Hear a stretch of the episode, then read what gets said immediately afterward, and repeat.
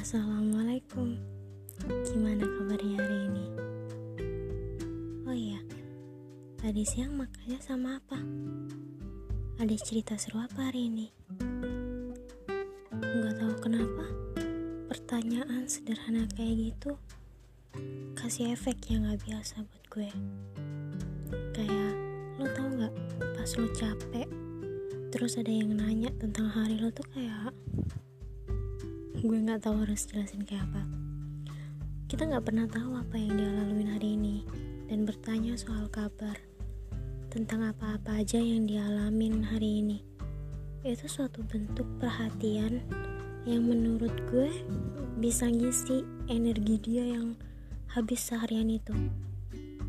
Itu perhatian sederhana yang menurut gue bisa bikin siapa pun merasa dimengerti ketika yang lain gak bisa ngerti. Pertanyaan-pertanyaan sederhana yang bisa balikin mood lo yang rusak setelah berhadapan sama hal-hal yang menurut lo kurang baik gak sesuai sama yang lo mau.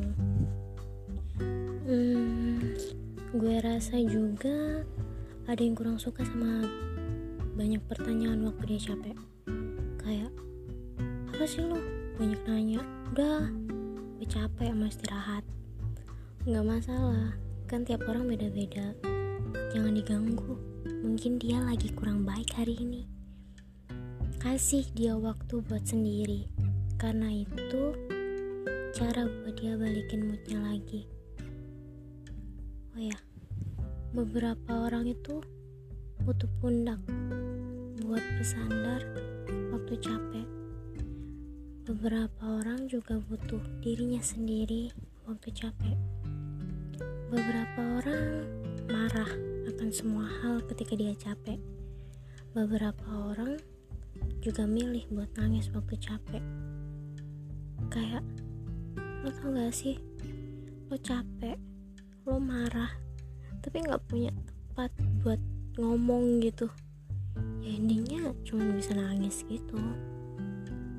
Nggak ada yang salah juga dari itu semua.